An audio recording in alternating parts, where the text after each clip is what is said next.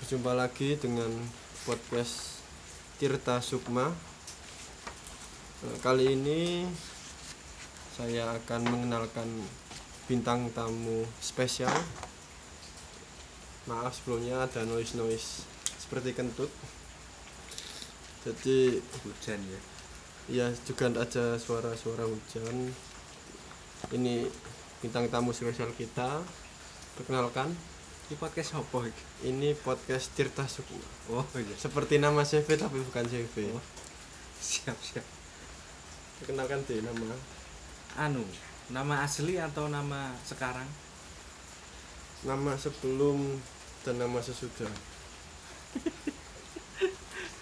nama asli saya itu nama yang sah tertulis di catatan sipil Dukcapil adalah Dendi Cipto Setiabudi tapi lebih dikenali hari ini sebagai Aditya Danu Iswara domisili Jogja Karangmalang Sekarang Malang.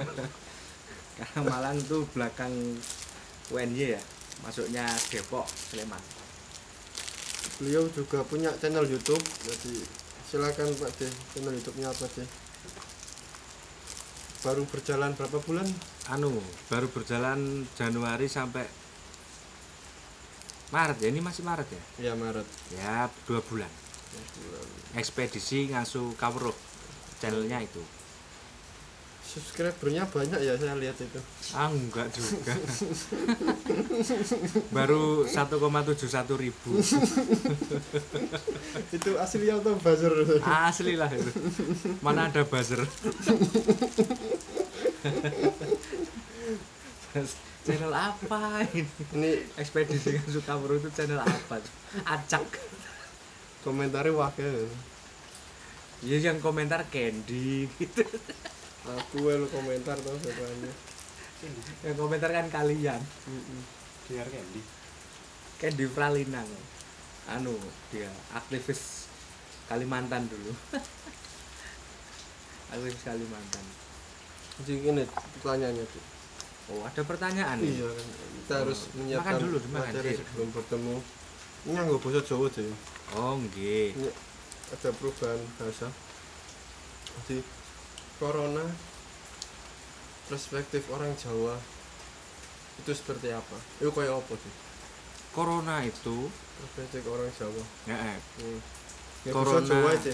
Jawa Timur apa Jawa Tengah? Jawa Timur sing ora kowe muridku paling. Oh iya.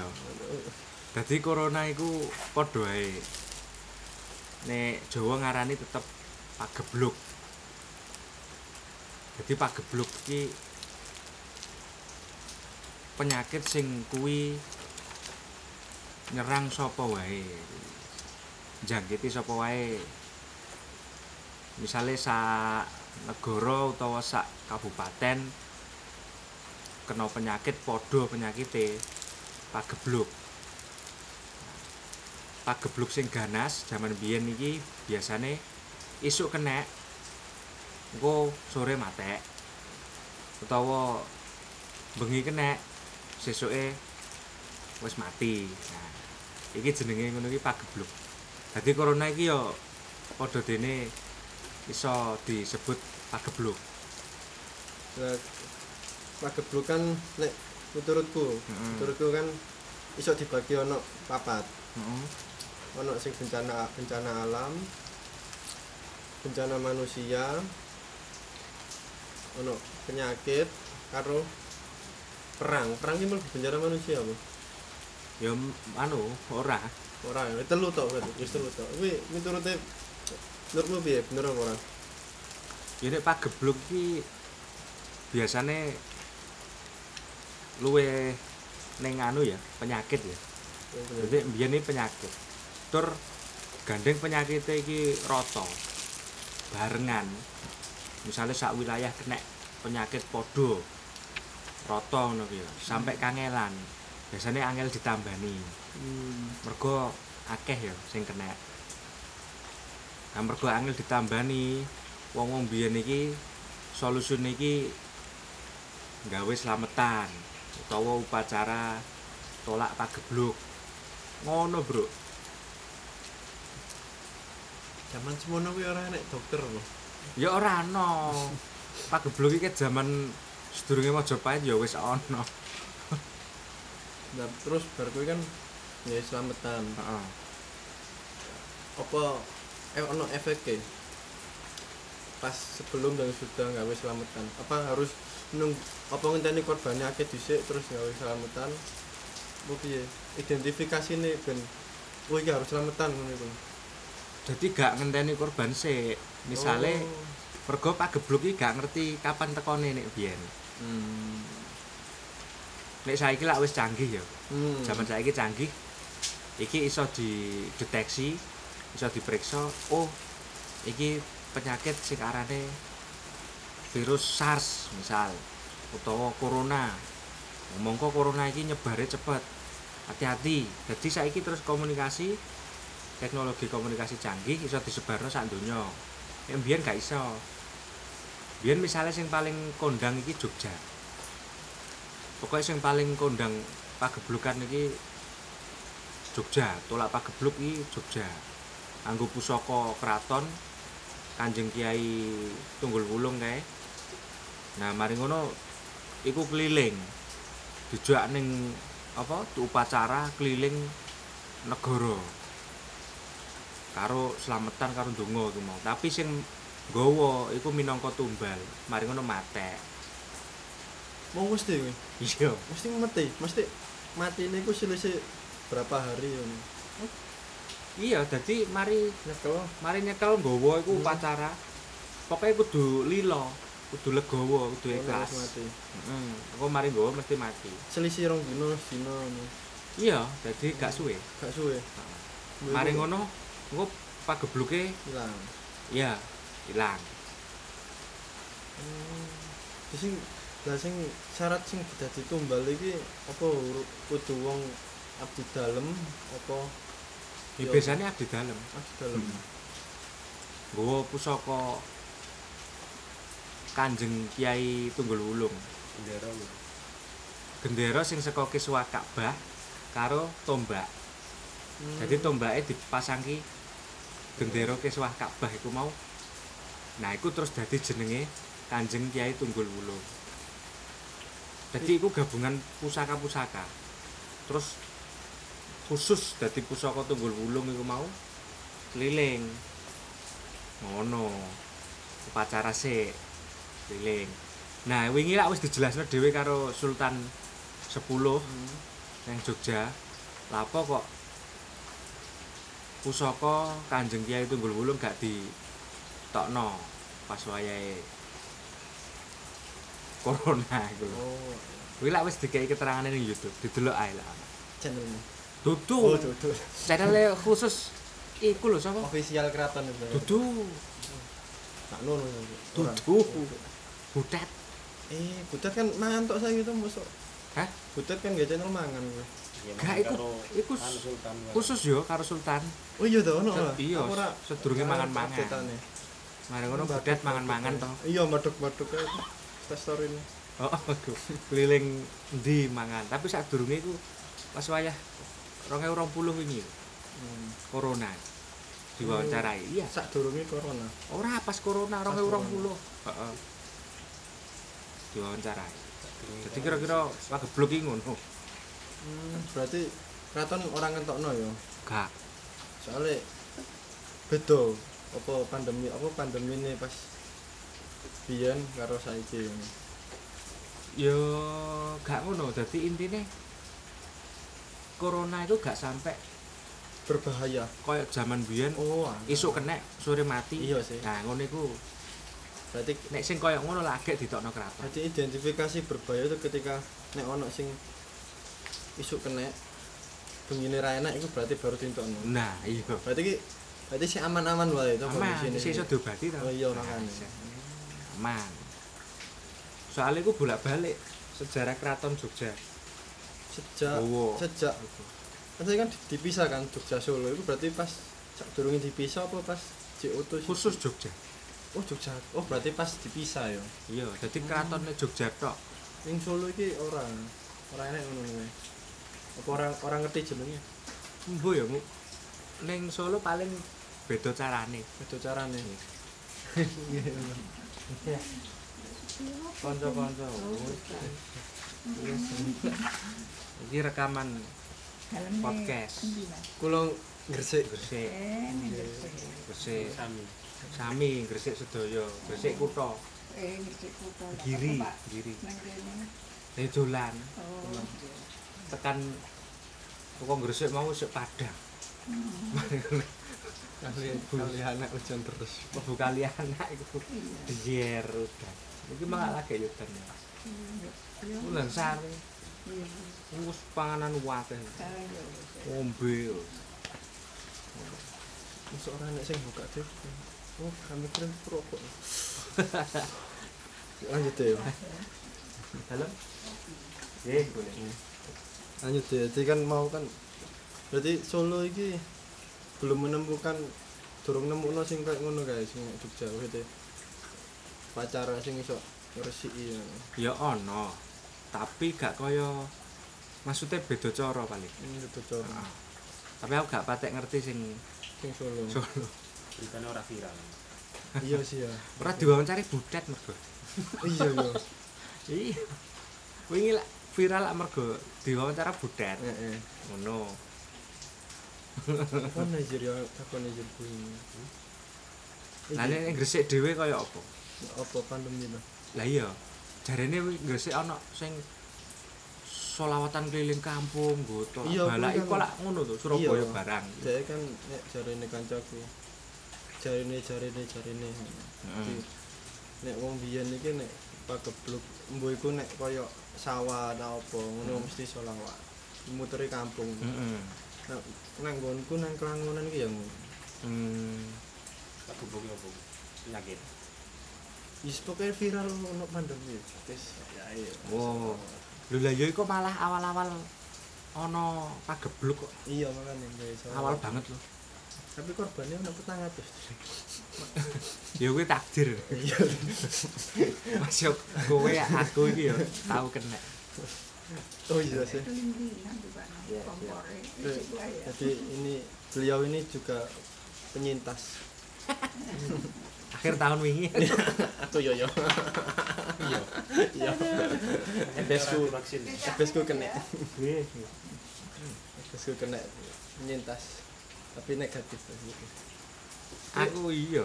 Aku sing penasaran iki kowe jarene sing masalah menyan ka lho. Jadi Oh, menyan ah. iso ngresiki corona iku omongane pungkas iki bener apa ora? Bener. Apa ngedabrus ya? Gak pacar. Jadi orang ngersi corona ngono ya maksudnya gitu. Ya omongnya ngono kae pas ngopi kok. Ngene lho. Menyan iku bahan baku obat seluruh dunia. Jadi kabeh sak donya iki bahan baku farmasi kang gawe obat iku ana menyane. Hmm, Nek jenenge Latin iki benzodiazepin. Eh, benzoin kok, benzodiazepin. Kuwi lak obat penenang. Benzoin. Iku kanggo bahan baku nih obat. Iku menyan iki benzoin. Enjoyin. Iya getah. Dadi tlutuhe wit menyan. Oh menyan ku wit. Uwit. Menyan iku uwit. Lah sing awak dhewe sing menyan iku iku tlutuh iku. dari menyan ki wet terus ambune kok berubah-ubah iku ya apa deh kok berubah-ubah Ya gak berubah-ubah. wangi lho Ya gak opo ah, ya wangi menyan iku. Apa menyan lak wangi? nandur nandir bener ngomongan Akeh biyen nang Nusantara iki wit menyan iku akeh. Menguntung- menguntungkan nih berarti nandur menyan Lho ket biyen iki komoditas ya koyo sing tak bahas nang podcast kae lho. Biyen iku lho. Wingi iku lho ning podcast. nah youtube ya Iya, oh durung, durung metu. Nah, sing pas aku anu lho, pas apa? Syuting iku lak ana awakmu lho. hmm Nah, aku menyan khusus Heeh. bahas menyan. Menyan ini komoditas. Jadi barang dagangan sing wis ewonan tahun dadi Sampai saiki ya? ekspor mbiyen teko kene nang luar negeri, nang ngene mancanegara.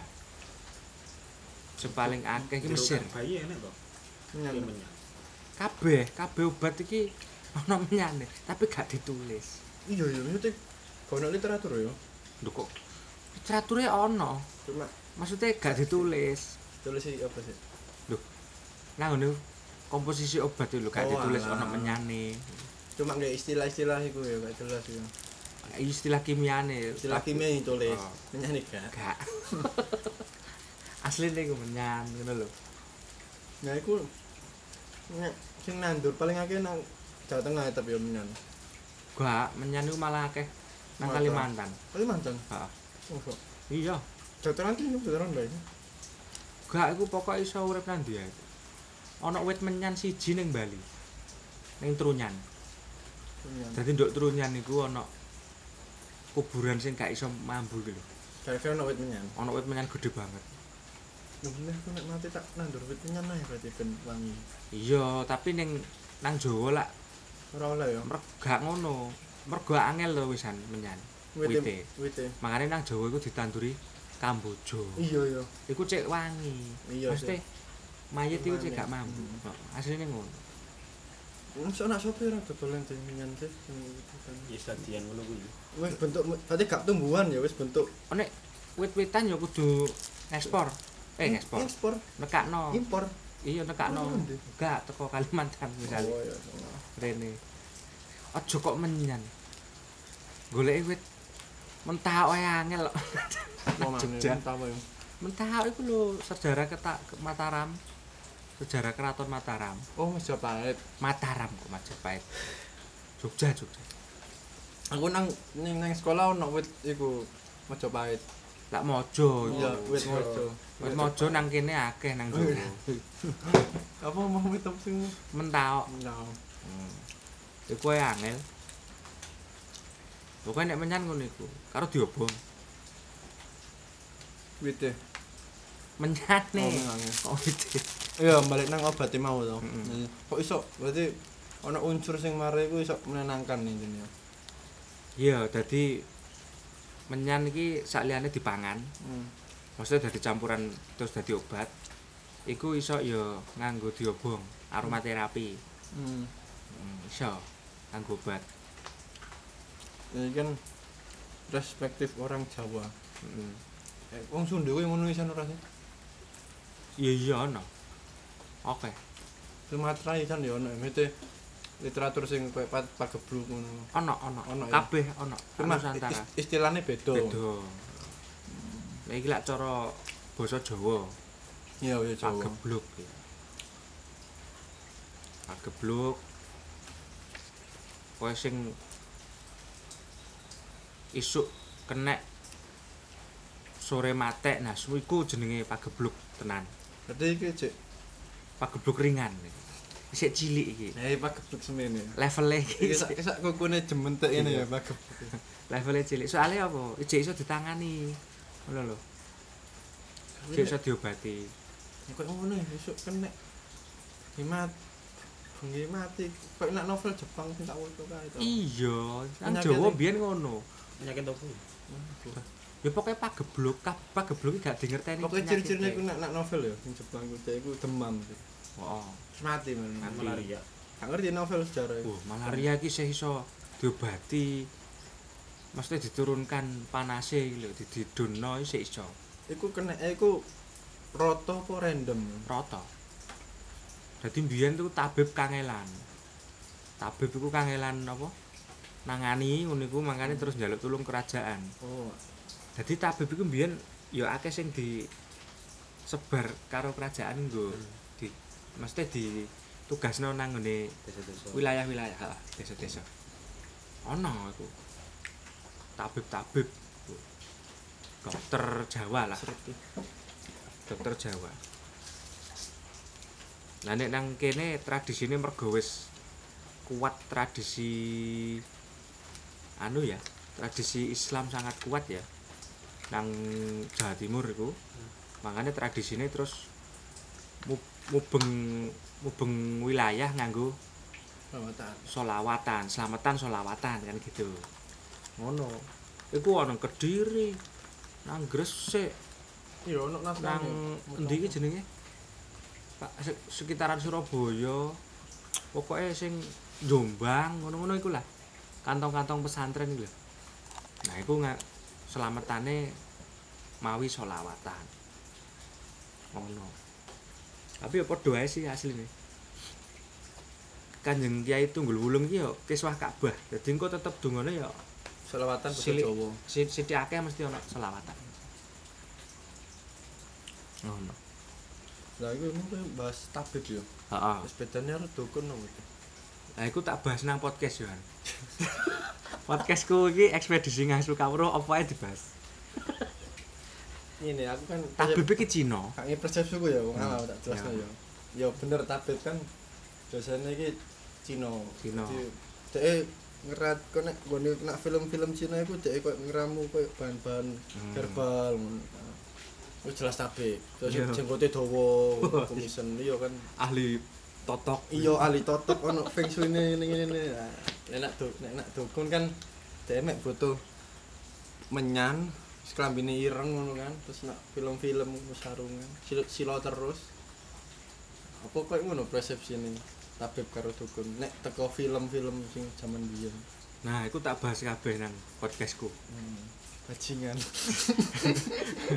Dadi iku gara-gara film. gara-gara film berarti Hmm. oh alah di perspektifnya melencer Heeh. Asine Gak sing ngono. sing jenenge dukun nang Jawa iku gak mek sitok. Ana dukun bayi, ana dukun taru. Dukun taru cara ngono saiki iki tabib herbal. oh alah tabib ku dukun taruh Iya. Maksudnya sing ngeramu-ngeramu Hmm. wit-witan nah iku jamu-jamu jamu-jamu berarti sing sudah kumpul itu ya termasuk tab Sudah muncul ta. ya sudah sudah muncul Sudah Oh. kumpulnya kampungnya sapa? pinggir omong kucuk itu muncul iya Heeh. berarti sudah muncul itu berarti dukun deh sudah muncul Iya dukun taruh dukun taruh jenenge. nggak boleh ngopi isan iki. Heeh. ah. Terus apa jenenge? Nek dukun nggo dukun manten Hmm. beda maneh. dukun mantan ki sing biasanya nak kau ayo kan Ot ora tuh Dudu nek sing mengesahkan kudu iku lak naib. oh, be- beda mana dukun mantan Dukun manten iki sing pas wae upacara temu manten. hmm. Nah iku sing ngrias, sing methukno ngantene, oh sing sam- ndongake. sampai sing ngun- sing banting kayak ngono-ngono Iya, pacaran iya. oh berarti sing event organizer eh one wong rabi ku dukun mantan Ono Oh, dukun manten. Iku larang lho. oh nek sing resmi Ya nek dukun manten ngono iku Nek sing larang asli, lho, Oh, sing asli. asli ya sak suwuan sak sebulan Hmm. pitung atus seket lho saiki gak pitung atus seket ewu sak subuhan iya tapi langgeng ya sing disuwur ya gak ngono maksudnya iku ya sing bagi pokoknya ndongakno ngono iku lho nang nang Surabaya iku tarifnya semono karo nang Gresik nek aku ngertine Tukang ana tersekat. loro kiai sing iso ndungano karo sing kiai iso ceramah wis iku tok ya iku lak kiai iya kiai lak ora nulungi bayi lho ora sing nah iku nah iku bagiannya dukun bayi Nyai.